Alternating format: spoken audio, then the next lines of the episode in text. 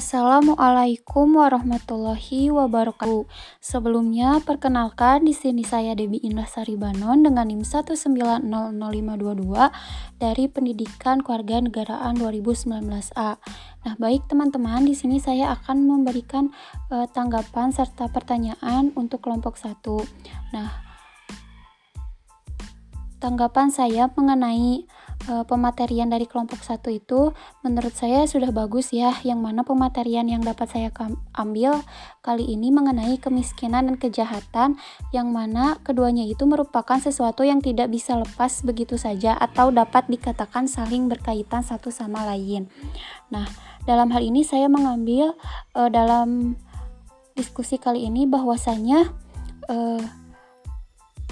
dapat dilihat apabila tingginya angka kemiskinan itu dapat menyebabkan tinggi pula angka tindak kriminalitas atau kejahatan. Nah, maka dari itu perlunya dalam hal ini peran baik antara pemerintah dan masyarakat dalam melakukan upaya penanggulangan persoalan e, keduanya.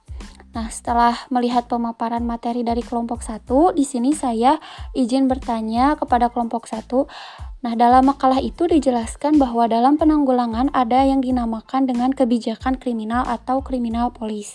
Nah, yang di mana dalam kebijakan kriminal tersebut e, terdapat dua upaya yakni dengan sarana penal dan non-penal. Nah, dalam hal ini menurut kelompok sendiri dalam upaya penanggulangan kejahatan itu lebih efektif menggunakan sarana penal atau non-penal. Nah, baik setelah dalam e, diskusi Kali ini saya uh, sangat mengas mengapresiasi jawaban dari uh, kelompok satu.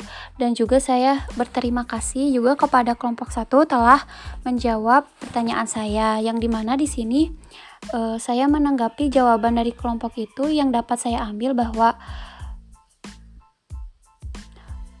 dalam pemilihan sarana non penal atau penal dalam keefektifannya dapat dilihat bahwa lebih efektif sarana non-penal.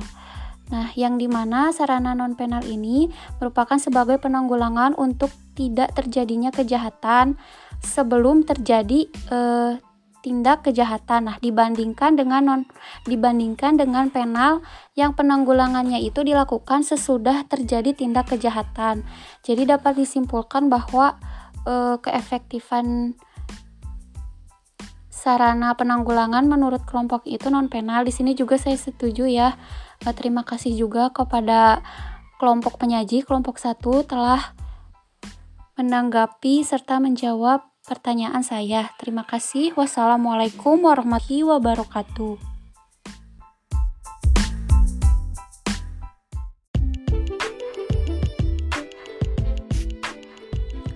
Assalamualaikum warahmatullahi wabarakatuh. Baik teman-teman, sebelumnya perkenalkan di sini saya Debi Indah Saribanon dengan NIM 1900522 dari Pendidikan Kewarganegaraan. Nah, baik teman-teman, di sini saya akan mencoba untuk menanggapi mengenai hasil diskusi dari kelompok 7.